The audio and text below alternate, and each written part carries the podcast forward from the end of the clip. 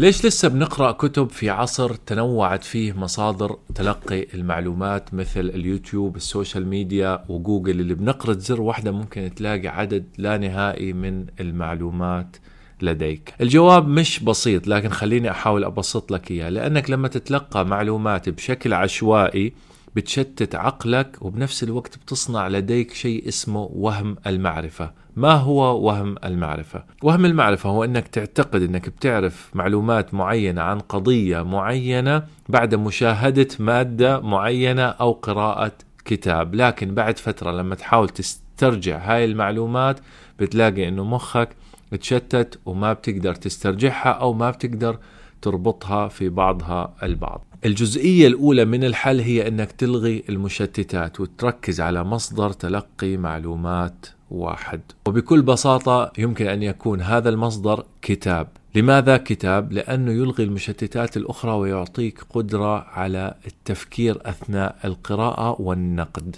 هل هذا يكفي؟ لا. في عدة طرق أخرى بتخلينا نسترجع المعلومات في الوقت اللي بنحتاجه ونبني معرفة ونلغي وهم المعرفة. الطريقة الأولى هي أنك توقف في نص القراءة مثلا وتسترجع المعلومات من ذاكرتك.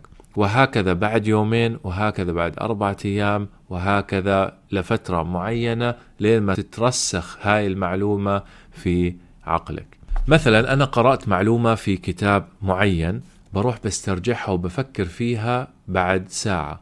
بعدين بعد يومين بفكر فيها مرة أخرى وبصيغها بطريقتي أنا. الطريقة الثانية هي أنك تعمل زي بالضبط في هذا الفيديو. هي أنك تشرح الفكرة لشخص آخر أو تكتبها على ورقة كأنك تشرحها لشخص لا يعلم هاي المعلومة. بهاي الطريقة أنت بترسخ المعلومة. حاول في البداية أنك ما ترجع لمصدر المعلومة الكتاب أو الفيديو لكن تلخصها من ذاكرتك. إذا ما قدرت ارجع ولخص. ما قدرت ارجع ولخص لين ما تقدر إنك تلخص المعلومة كاملة دون الرجوع للكتاب. وهي الطريقة شوي متعبة. وطبعا الطريقة الثالثة هي التكرار. العقل فكر فيه كأنه عضلة. أنت بتدربه شوي شوي بتقويه. ما بينفع تهمله وبعدين تقول والله ليش أنا بطلت أعرف أفكر؟